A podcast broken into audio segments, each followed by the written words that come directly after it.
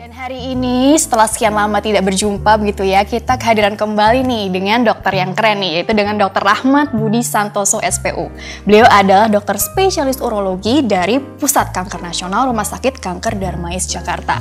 Kita sapa dulu dokter yang sudah hadir di samping saya tentunya. Halo dokter, apa kabar? Halo, selamat pagi. Kabarnya bagaimana nih? Selamat pagi. Woi, Indonesia. Indonesia nih. Luar negeri juga dong dok disapa, kan bisa streaming. Oke. Apa kabar? Kabarnya baik Baik, baik tentunya. Sekali, ya. Alhamdulillah berjumpa Alhamdulillah. lagi dengan dokter. Tapi kali ini kita bahasnya seputar kanker prostat. Ini sebenarnya untuk kaum pria aja, Ya. tapi kaum perempuan juga jangan artinya mentang-mentang ah ini cuma buat eh, pria aja, tapi kan jangan lupa pasangannya Ya. atau mungkin anaknya, kerabat segala macam kan banyak yang pria juga gitu Ya. kan. Nah, dokter ini kanker prostat nih. Kan kanker prostat, kanker paru, kanker hati, kanker usus. Kalau di pria kan itu katanya kanker yang paling banyak, maaf nih, menyebabkan kematian gitu ya. Bicara kematian kan intinya kan kita pengen angka harapan hidup kita di Indonesia ini semakin tinggi biar kita bisa berkumpul dengan cucu kita, eh, terus anak kita gitu ya dengan kualitas hidup yang baik dong gitu kan. Jadi kalau ngomongin kanker prostat, kita mau cegah nih. Sebenarnya kanker prostat itu apa sih? Silakan dokter. Jadi pertama-tama kita harus tahu bahwa kelenjar prostat itu letaknya ada di pangkal penis ya. Hmm. Jadi saluran kencing. Otomatis setiap kita kencing itu air kencing harus lewat kelenjar prostat. Permasalahannya adalah dengan bertambahnya usia, biasanya 50 tahun ke atas, itu prostat bisa bertambah besar. Nah, bisa bayangkan kan kalau saluran kencing lewat di dalam prostat, kalau prostatnya membesar, otomatis salurannya menjadi terham- terhambat. Oke, ya, jadi kencingnya akan terganggu. Biasanya gangguannya adalah kencing menjadi pancarannya nggak jauh, kencing merasa nggak lampias, jadi habis kencing balik lagi kencing, atau malam bolak-balik bangun untuk kencing, Nggak tuntas. nggak tuntas, Ada keinginan untuk nggak bisa menahan. Oh, oh jadi seperti ngompol gitu? Atau bisa, apa? bisa seperti ngompol. Atau kalau lagi kena macet di jalan tuh ya, itu nggak bisa nahan lagi. Aduh repot dong, Repot. apalagi kalau lagi mudik Iya. gitu kan macet, gimana ya? Masa di Pakai pinggir pampers. jalan sih, pakai pampers gitu ya, Iya. itu bisa jadi solusi gitu ya. Dok, jadi kan sebenarnya itu kan tadi ada yang bilang juga sih kalau di awal-awal eh, kanker ini artinya gini, artinya di stadium awal gitu, itu Hmm. bisa aja nggak ada gejala gitu ya, baru baru muncul keluhan yang tadi tuh kalau memang udah agak lanjut tuh sedang Iya. atau bahkan udah berat sekali, bener nggak sih seperti itu? Jadi pertama-tama kita harus tahu bahwa prostat bisa membesar, bisa jinak atau ganas. Aha, itu nomor satu jinak, kita harus tahu bisa jinak nih. atau ganas. Betul. Nah, untuk memastikan dia jinak atau ganas, kita harus ada pemeriksaan. Itu gunanya deteksi dini. Oke. Apa sih yang dicek untuk membedakannya? Pertama kita periksa darah. Oke. PSA namanya, prostat Oke. specific antigen. Oke. Kalau nilainya di atas 10, itu kita mulai curiga Patokannya tuh kanker ya, atau 10. bukan. Hmm. Atau kita colok dubur. Ih. Karena satu-satunya cara megang prostat adalah memasukkan jari kita ke dalam dubur laki-laki tersebut. Dari dokter ya? Eh, jadi saya. Jadi kalau seraba struktur prostatnya tidak halus, kasar atau berbenjol-benjol, kita juga curiga. Oh benjolan gitu ya, Ya. dok ya? Masalahnya adalah prostat itu membesar jinak atau ganas, gejalanya sama. Hmm. Jadi satu-satunya yang bisa kita lakukan adalah Hmm. kalau colok dubur dan PSA-nya mencurigakan, kita harus melakukan biopsi. Hmm. Cuman itu aja, harus melakukan biopsi. Mau nggak mau ya si biopsi ini ya? Ya karena Hmm.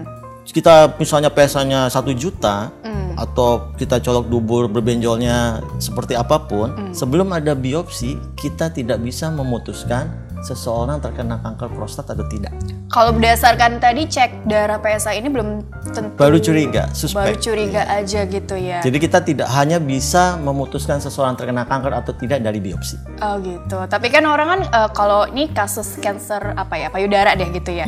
Ke- eh, takut eh, di biopsi atau apa karena katanya takut menyebar Iya. gitu ya. Kalau di pria sama juga nggak sih Ket- ketakutannya mungkin yang sering dokter jumpai di rumah sakit Darmais pasiennya mungkin menolak biopsi atau ketika harus biopsi nih Pak, eh nggak datang lagi gitu ya karena mungkin khawatir menyebar artinya nggak cuma di lokal itu aja tapi ke organ lain. Saya sangat berterima kasih atas pertanyaan tersebut ya.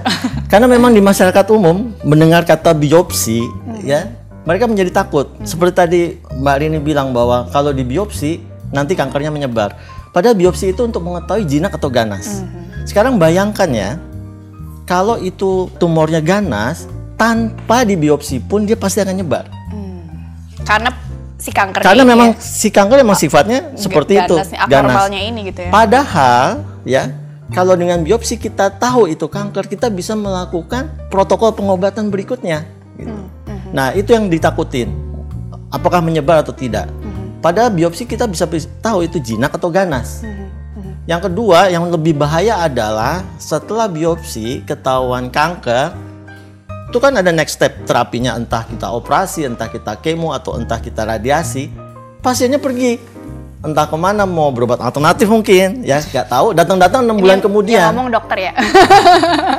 datang-datang enam bulan kemudian Udah makin parah. udah kok. makin parah padahal kanker itu pengobatan paling bagus adalah sedini mungkin. Ya, semakin dini semakin bagus. Emang kalau kanker prostat ada berapa stadium? Sama nggak? Mungkin ada empat atau apa biasanya? stadium ya? Jadi kalau mungkin hampir di semua kanker itu stadiumnya Iya, so- empat tuh paling Iya, tinggi ya. mirip-mirip ya. Segitu-segitu aja ya. ini juga ada persepsi juga di masyarakat ya. Apa itu dok? dengan stadium ya. Ah, kan baca nih datang di biopsi hasilnya kanker. Terus nanya stadium berapa? Masalahnya di masyarakat ya stadium itu dianggap vonis kematian. Begitu dengar udah ini udah stadium 4 gitu. Di otaknya kan mungkin udah pernah baca ya karena di emang Google beritanya di mana-mana Ya, kan seperti itu kan katanya. it- itu vonis kematian. Hmm, hmm. Padahal stadium itu diciptakan untuk menilai efektivitas terapi dan pengobatan. Oke. Itu jadi di luar negeri tuh dikumpulin statistik Hmm, ya. Jadi stadium itu pengumpulan statistik. Kita tahu bahwa statistik itu penilaian masa lalu, bukan mengukur masa depan. bukan vonis tadi bukan ya. vonis, bukan Atau vonis melabel kematian. diri sendiri ah. tadi. Bukan, ya. jangan. Jadi katakanlah stadium 4, 5 year survival rate harapan hidup 5 tahunnya misalnya 7%. Jadi kan kematiannya 93%. Tidak ada seorang pun di dunia saat ini yang tahu apakah seseorang masuk 7 atau 93 itu masalahnya. Hmm. Tapi karena orang banyak membaca dengan stadium 4 harapan hidup 7% terus dia langsung "Eh," gitu kan freeze di otaknya itu memukul ya menjadi helpless. Begitu seseorang tidak berdaya, itu sistem di dalam tubuhnya, sistem imun, sistem hormon, semuanya akan shutdown. Justru berbahaya untuk pengobatan kanker. Oke. Jadi dari pikirannya ini jadi menekan Bukan si- masalah pikiran, coba sekarang kita lihat kalau pertandingan bola misalnya ya, eh, kesebelasan kita lawan Jerman gitu. Kita udah oh gitu kan. Padahal mungkin keterampilan sama, latihan sama, cuman masalah mental Mentalnya ini ini, membuat ya, ya, ya. shutdown. Jadi sekali lagi stadium itu bukan vonis kematian. Hmm. Stadium itu adalah untuk menilai efektivitas terapi dan untuk saya berbicara sama teman saya. Kalau Hmm, di Darmais kan ada tim ja kanker, jadi semua pasien Uh-uh. itu pasti kami kumpulkan di tim tim ya ada timnya para dokter kita ngomong saya punya pasien ini stadium ini. Kita semua langsung tahu oh stadium ini maksudnya ini. Jadi protokol terapinya pakai apa? Itu gunanya sebenarnya. Oke, untuk menentukan tadi terapinya, terus juga efektivitas terapi protokol apa yang mau kita ambil. Gitu. jadi jangan pernah memikirkan bahwa stadium itu vonis kematian. Kematian tuh nggak ada yang tahu ya. Iya, itu itu Allah yang tahu ya. itu cuman kita jalanin hidup aja Katanya malah jadi apa memprediksi tadi ya dok ya dari itu bukan prediksi ini. Hmm. sekali lagi itu hanya mengukur efektivitas Benar, mengukur efektivitas. Jadi Pengobatan. makanya pentingnya tadi, berarti kan di awal nih buat deteksi tadi pentingnya eh, apa kadar PSA-nya dicek. PSA dicek Kalaupun kalau- dicurigai karena hasilnya tadi 10 ke atas lah ya patokannya ya. Ya, Baru. 10 misalnya atau colok duburnya tinggi kita biopsi. Nah, tadi kan ditanya, abis biopsi ben- benar itu kanker prostat. Next stepnya adalah kita harus mencari tahu benar stadiumnya sampai mana. Iya. Karena abis kita biopsi itu kanker prostat, next stepnya adalah kita pemeriksaan bone scan. Karena biasanya kanker prostat nyebar ke tulang. Kalau belum menyebar ke tulang, kita akan bilang sebagai stadium 1.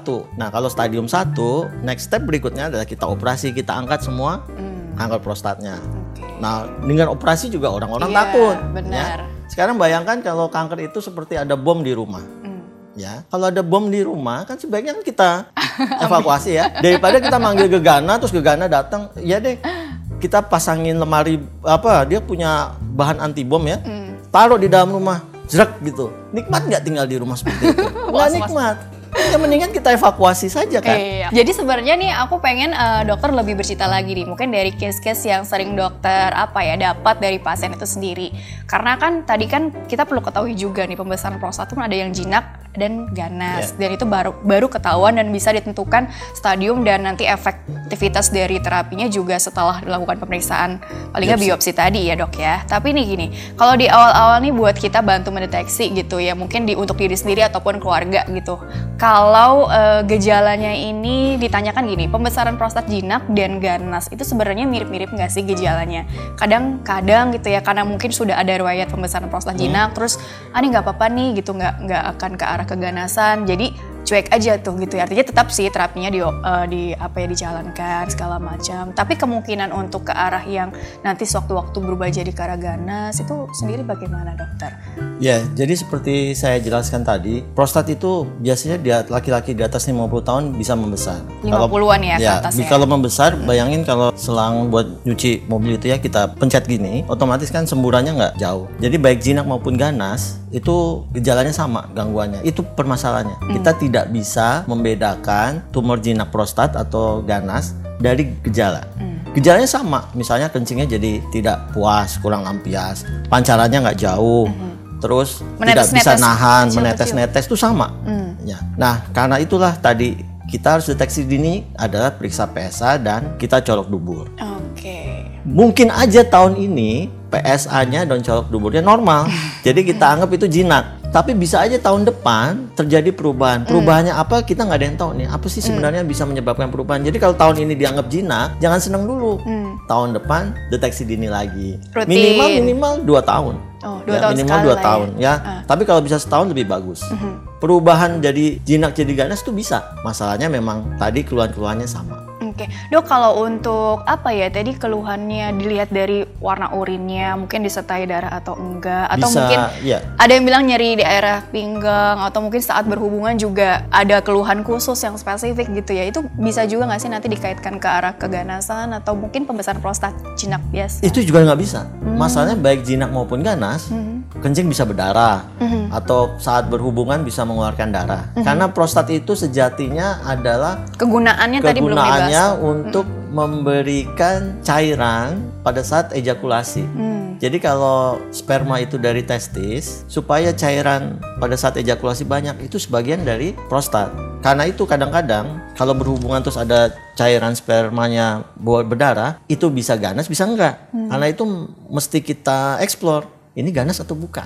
Oke. Okay. Ya. Kalau kaitannya ke infeksi saluran kemih ini juga kerat, kerat sekali ya bisa, dok ya? sangat sangat kerat sekali karena kan air kencing lewat saluran di prostat. Jadi iya. kalau ada infeksi di saluran kencing bisa juga mempengaruhi infeksi di prostat namanya prostatitis. Oh. Itu bisa bikin rasa nggak nyaman di daerah apa kita bilangnya tuh ya saya mau bilang selangkangan boleh nggak? apa ya lipat paha ya sama ya, aja pokoknya di daerah itu. Terus kadang-kadang juga uh. spermanya bisa berdarah. Hmm. Bisa karena infeksi. Jadi macam-macam lah ya, ya tadi ya. Tapi uh, apakah memang tadi harus selalu gitu ya 50-an ke atas nih gitu ya. Rata-rata gitu mungkin dari literatur atau apa. Tapi bisa juga nggak sih di bawah 50-an mengalami keganasan. Yeah. Eh, ditahan dulu ya, Dok ya. Disapa dulu nih penelponnya nih. Halo. Halo. Halo, selamat ya. pagi. Iya, pagi dengan Ibu siapa? Mbak Rini, dengan iya. Ibu Haja Ong Maiwa. Oh iya, ya, alhamdulillah. Dokter, pagi dok. Pagi Bu iya. Haja. Begini, uh, suami saya ini dikatakan penderita yang akut belum ya dok? Entah bagaimana nih. Dia menderita prostat PSA-nya waktu itu mm-hmm. sekitar 5-6 tahun itu PSA-nya 4,7. Yeah. Dengan berjalannya waktu dok, mm-hmm. dia minum uh, Harnal, yeah. Harnal yang 0,2 yeah. sampai sekarang dokter. Nah, kemudian kita tes balik, turun dokter mm. 3,7. Yeah. Berarti ada kemajuan. Lalu mm. mohon maaf dok, saya bawa ke uh, Prof Joko di yeah. Pertamina saya tanya sama dokter, bagaimana kelanjutan agar suami saya ini apakah seterusnya mengkonsumsi harnal atau bagaimana solusinya yang terbaik? Okay. Karena iya dok, kita kan takut apa yang dokter katakan nanti tiba-tiba sekarang jinak atau besok berubah menjadi uh, yang tidak kita harapkan menjadi ganas. Nah, mm. satu lagi dokter, iklan yang eh, apa kurkur itu loh dok. Ah, eh, maaf, Apa itu yang eh, untuk pancaran pos postatur atau apa? ah, oke. Ya itu itu bener nggak dokter? Iya. Itu aja dokter. Terima kasih ya. Tadi Terima kasih, usia Bu Aja. suaminya berapa ya Bu ya? Oh usia suami saya 85. Oh 85. Dokter ada yang ingin tanyakan nggak seputar istri dari Bu Haja Umaywa ya? Eh, enggak. Hmm, Oke, bisa langsung tanggapannya aja ya. Ya, Langsung. Jadi seperti saya bilang tadi, Hmm. PSA itu bisa meningkat. PSA normal sih seharusnya di bawah 4. PSA bisa meningkat satu kalau ukuran prostatnya besar sekali. Karena PSA itu dihasilkan dari sel-sel di dalam prostat. Otomatis semakin besar prostat, PSA-nya semakin meningkat. Yang kedua infeksi. Kalau ada infeksi di prostat atau prostatitis, itu PSA-nya juga naik. Jadi kalau PSA-nya naik, misalnya 10 atau 15, kita akan terapi dulu sebagai infeksi. Kalau kita beri antibiotik, PSA-nya bisa turun, ya sudah, berarti kita anggap sebagai infeksi.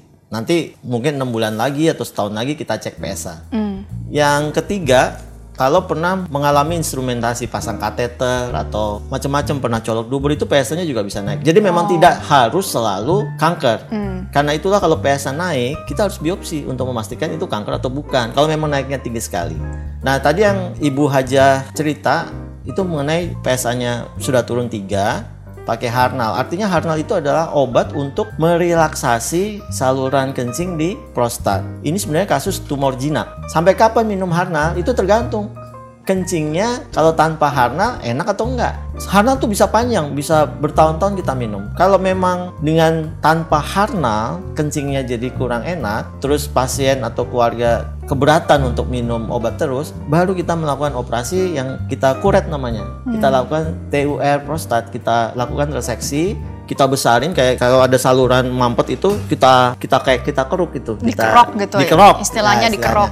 Supaya salurannya gede lagi, kencingnya bisa lancar. Kalau nggak mau minum obat. Sampai kapan minum obat tergantung. Kalau obatnya dilepas, kencingnya terganggu lagi ya pilihannya cuma minum obat terus atau kita operasi. Apakah bisa berubah jadi kanker? Bisa. Karena itulah setiap tahun cek terus Oke. PSA, rektal 2C. Oke. Terus tadi yang pertanyaan kedua tadi apa ya? Ik- iklan ya tadi ya? Oh itu Apa ya? sebenarnya eh, Prostakur itu obat herbal ya. Sistem cara kerjanya sama seperti Harnal. Jadi untuk merelaksasi saluran kencing. Lebih mendingan pilih salah satu bu. Kalau nggak minum Harnal atau minum Prostakur, jangan dua-duanya. Oke, kurang lebih seperti itu ya tanggapan dari dokter. Insya Allah membantu gitu ya. Insya Allah. Amin. Dokter dilanjutkan kembali ya dok ya mengenai tadi eh, kemungkinan terjadi di usia di bawah 50 tahun. Ya pasti ada dong, tapi nggak Ya, nggak ya. banyak kan.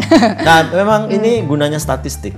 Statistik itu kita mengumpulkan ribuan, nah, mungkin jutaan kasus-kasus.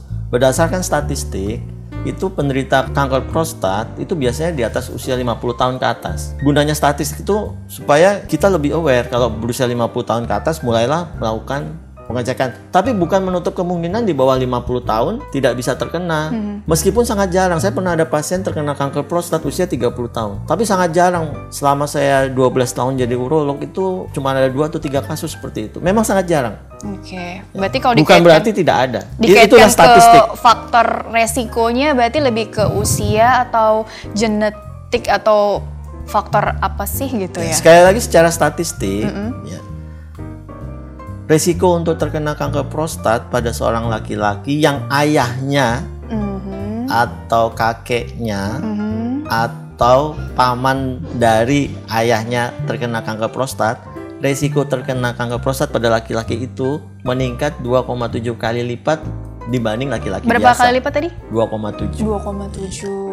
Jadi itu menurut statistik ya. Memang udah ada penelitiannya seperti itu Iya. gitu ya. Jadi ya berhati-hati bagi yang mungkin di anggota keluarganya. Kalau ayah ada kanker Hmm. prostat atau paman atau kakek ada kanker prostat, itu pemeriksaan lebih dini lagi usia 40 tahun. Oke. Jangan usia 50. Oke, 40 tuh ya. Jadi startnya di situ gitu ya. Oke, dokter kita masuk ke pertanyaan sosial media dulu ya. Iya. Karena tadi kan sudah ada telepon masuk, kita langsung eh, tanya jawab pertanyaan dari sosial media. Baiklah, oke. Oh ada telepon masuk dulu, oke. Telepon masuk dulu ya dok ya. Sabar dulu, oke. Halo, dengan siapa di mana? Iya, Pak Sanata Luri. Iya. Saya mau tanya, Uh-uh. itu kan saya ini eh, udah pernah dikorek itu ininya prostatnya. Dikorek. Eh, Hmm. i- i- di apa di Kerok, kerok. di, dikerok gitu kan. Hmm. Nah, waktu itu eh, anu apa tumor ganas.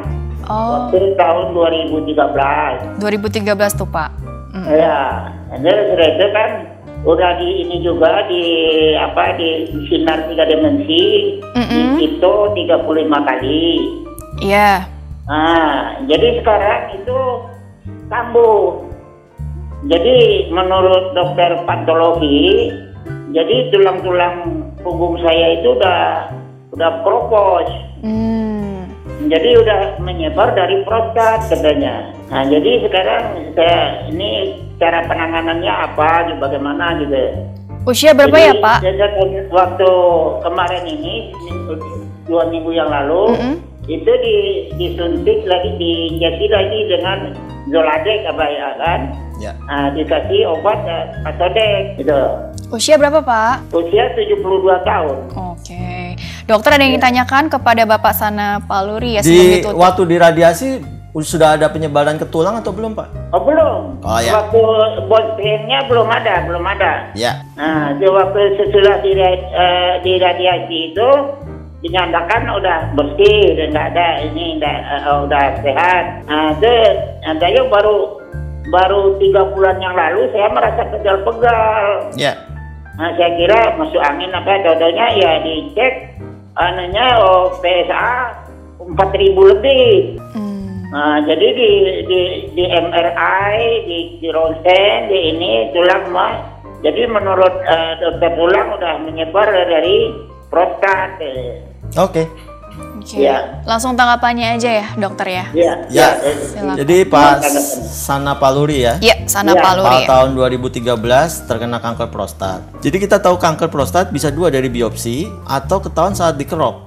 Dikerok tapi tujuan ngeroknya untuk jinak sebenarnya supaya kencingnya lebih enak. Nah, Bapak ini waktu tahun 2013 hasil keroknya menyatakan kanker prostat. Udah gitu pasti next step. Tadi saya bilang kan, kita mau cari stadiumnya berapa. Ternyata bone scan bersih, berarti stadium 1. Pilihannya memang ada dua tuh kita angkat. Saya pribadi lebih suka diangkat karena seperti tadi saya bilang, ngapain kita ninggalin bom di dalam rumah, ya? Bapak ini memilih untuk diradiasi. Ya, diradiasi itu sama ada kankernya 35 kali sinar. kan? 35 kali disinar kan? Hmm. Ada tumornya, ada bomnya situ dikurungin sama lemari besi. Pada pemeriksaan terakhir ternyata sudah ada penyebaran Ke tulang. ke tadi tulang. ya. Hmm. Berarti secara stadium memang naik nih, stadium 4. Penanganannya beda kalau kanker prostat. Kanker prostat itu ditangani berdasarkan stadium memang. Ya, kalau stadium 1 diangkat, kalau stadium 4 ini jatuhnya di stadium 4 karena sudah menyebar ke tulang, kita memberi terapi hormonal. Terapi hormon. Ya, hormon apa yang diterapi? Kita menekan hormon testosteron.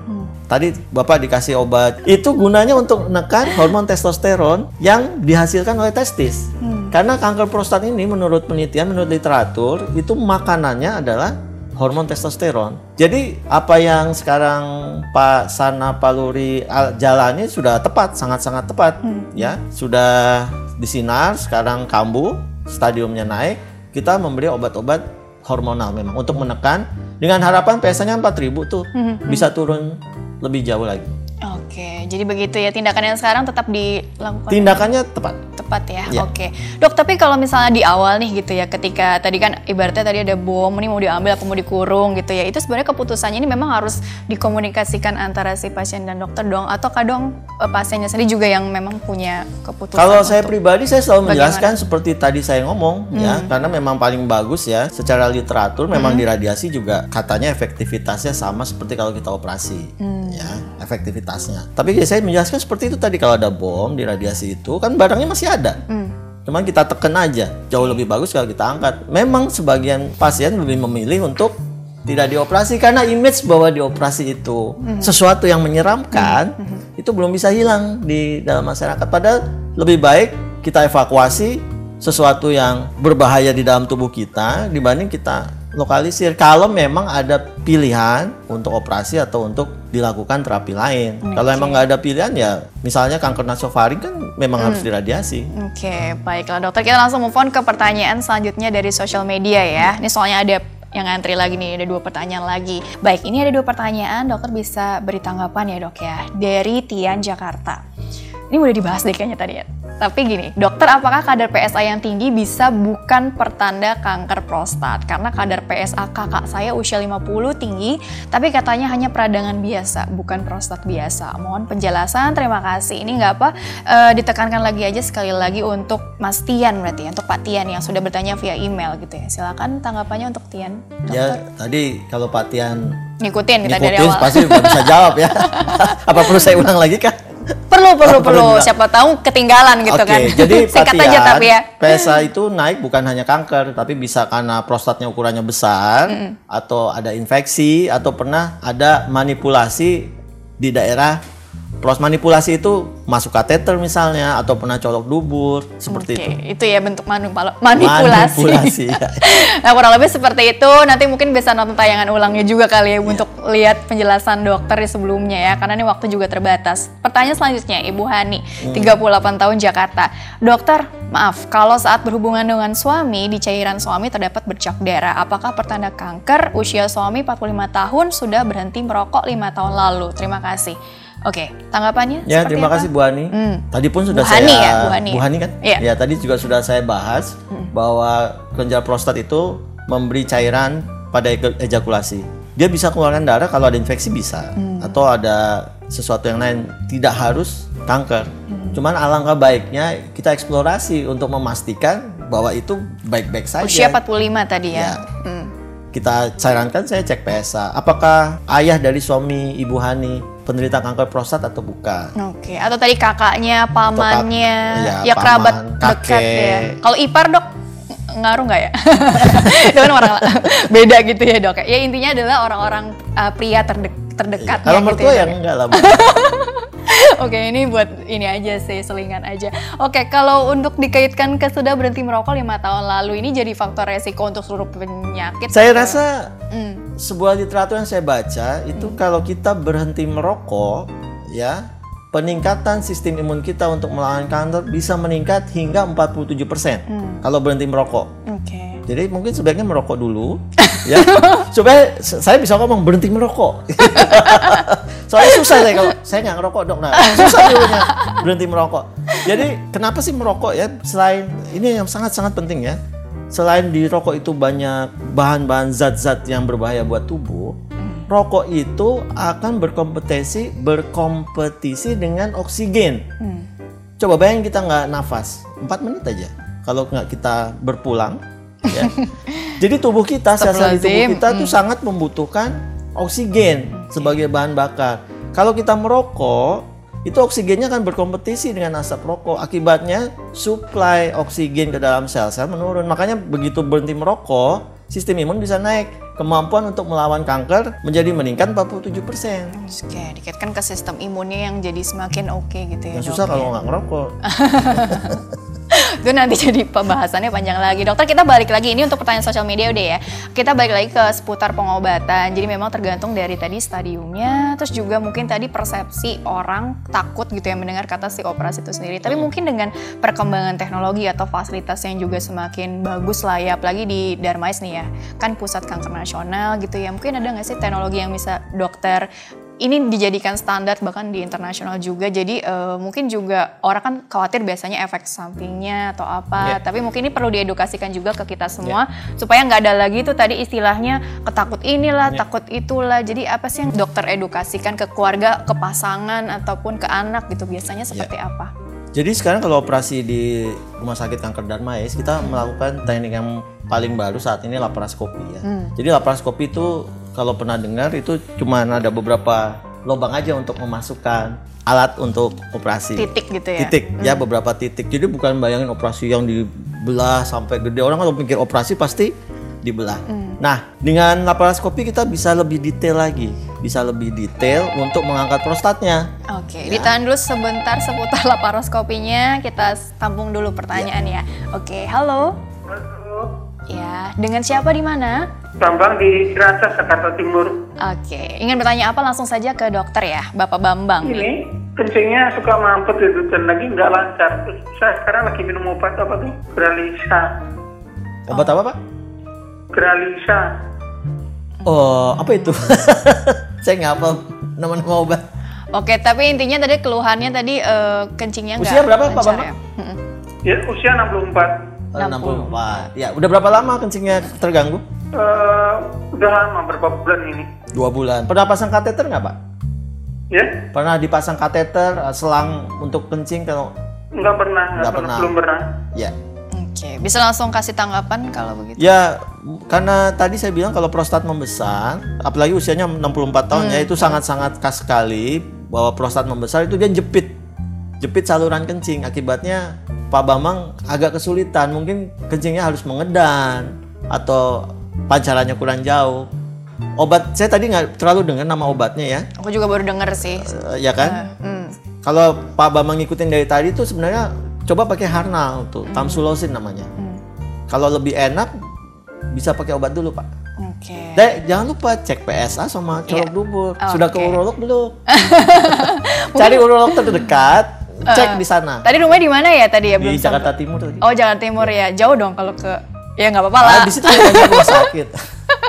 Seputar laparoskopi tadi eh, ya bedanya kalau orang tadi kan balik lagi ya kalau ngomongin operasi bayangannya dibelek sampai waduh panjang terus lama sembuhnya terus menyakitkan lah segala macam. Baru baru lihat aja udah baru lihat misalkan apa ya kan ada tuh di YouTube banyak tuh ya. Tapi ini kan laparoskopi dong. Kalau laparoskopi bedanya apa keunggulannya apa dan memudahkan pasiennya juga seperti apa dan dokternya juga seperti apa. Silakan dokter. Ya kalau kita laparoskopi untuk prostat dulu susah sekali. Radikal prostatektomi kita angkat semua bisa dirawat semingguan. Sekarang kalau laparoskopi paling 2-3 hari ya dan mungkin bisa langsung kerja lagi. oke Orang takut habis kalau prostat diangkat kan pikirannya macam-macam. Apakah benar nggak bisa habis itu kencing nggak bisa ditahan ngompol-ngompol? Ya insya Allah kalau kita mengerjakannya dengan baik sih insya Allah kemungkinan untuk ngompol-ngompol sih kecil. Yang mungkin agak lebih berat adalah kemampuan untuk ereksi.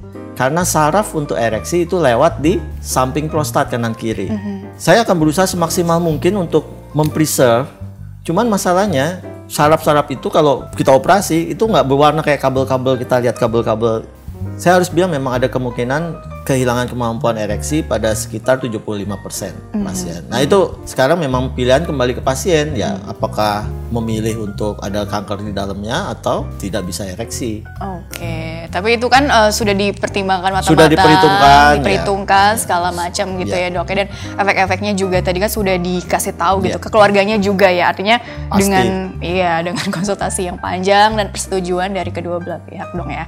Da- baiklah dokter, karena juga ini sebelum closing statement gitu Hmm. ya dok ya. Ini kan jadi kan tadi pentingnya kalau kanker kan biasanya deteksi dini gitu ya. Apalagi tadi yang keluarganya udah ada riwayat seperti itu jadi lebih dini tuh ya 40-an paling nggak cek si Iya. kadar PSA atau tadi ada colok dubur terus biopsi kalau dicurigai ke arah yang lebih serius lagi gitu ya dok ya. Nah apakah memang eh, lebih secara kontinu ya ke depannya akan seperti itu rutin tahunan atau mungkin juga dibantu dengan tadi dari dalamnya juga dari lifestyle kita juga seperti apa sih untuk mencegah si kanker prostat ataupun mencegah eh, apa ya bener gak istilahnya untuk pembesaran prostat jinak tuh kalaupun dicegah eh, ini kan karena memang usia juga terus faktor apa ya alami juga nggak sih gitu jadi bagaimana tuh untuk supaya kita juga makin aware juga nih dengan kondisi ini Ya kalau mencegah prostat bertambah besar sepanjang yang saya tahu nggak ada ya. Jadi memang itu emang alamiah. Alamiah dalam artian memang dia pasti akan bertambah besar sendiri. Untuk jadi kanker atau tidak itu juga nggak ada yang tahu. Kalau ada kan kita udah pasti ada obatnya tuh untuk mencegah kanker. Yang bisa kita lakukan meskipun nih kita selalu berpikir bahwa kanker itu gen diturunkan. Ya. Gen itu sama seperti kalau saya ada saya ada ibu saya penderita diabetes itu kan juga diturunkan ya. Gen itu nggak bisa kita kita deny gitu ada. Itu sama kita kita bawa lilin ya. Ibu bawa lilin, ibu saya bawa lilin saya bawa lilin. Masalahnya lilinnya nyala atau tidak ya perhatikan. Lilinnya kalau nyala itu lilinnya pasti habis artinya kita sakit lilinnya nyala atau tidak itu sepenuhnya tergantung dari lifestyle kita pasien dengan kanker biasanya nanya pantangan pantangan makanan ya itu pasti nanya kan Iya. seakan-akan hanya makanan toh yang bisa menyebabkan kanker. Padahal ada empat asupan paling penting yang masuk dalam tubuh kita: makanan, minuman, oksigen yang kita hirup, sama makanan mental. Yeah. Bagaimana kita berinteraksi dengan orang, bagaimana kita mengatasi stres ya. Betul. Karena selama ini saya melihat bahwa pasien kanker prostat itu 85% tipe orang yang apa tuh karakter A itu mudah meledak, Oh, marah-marah, apa emosional. Hmm. emosionalnya tinggi. Artinya kalau mencegah makanan toh tapi tidak merubah Ini benar. emosional Ini dokter state lihat ini- sendiri kayak gitu ini ya. pengalaman saya ya.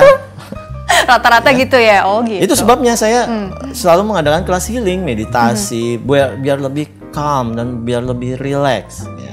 Yang kedua oksigen. Hmm. Kalau zaman sekarang orang udah malas berolahraga kan. Padahal berdasarkan literatur ini bukan bukan hanya untuk kanker prostat ya, kanker payudara itu sudah diteliti juga bahwa kalau bisa tuh setiap hari berjalanlah minimal 30 menit. Hmm. Dokter juga udah melakukan itu kan? Saya berjalan.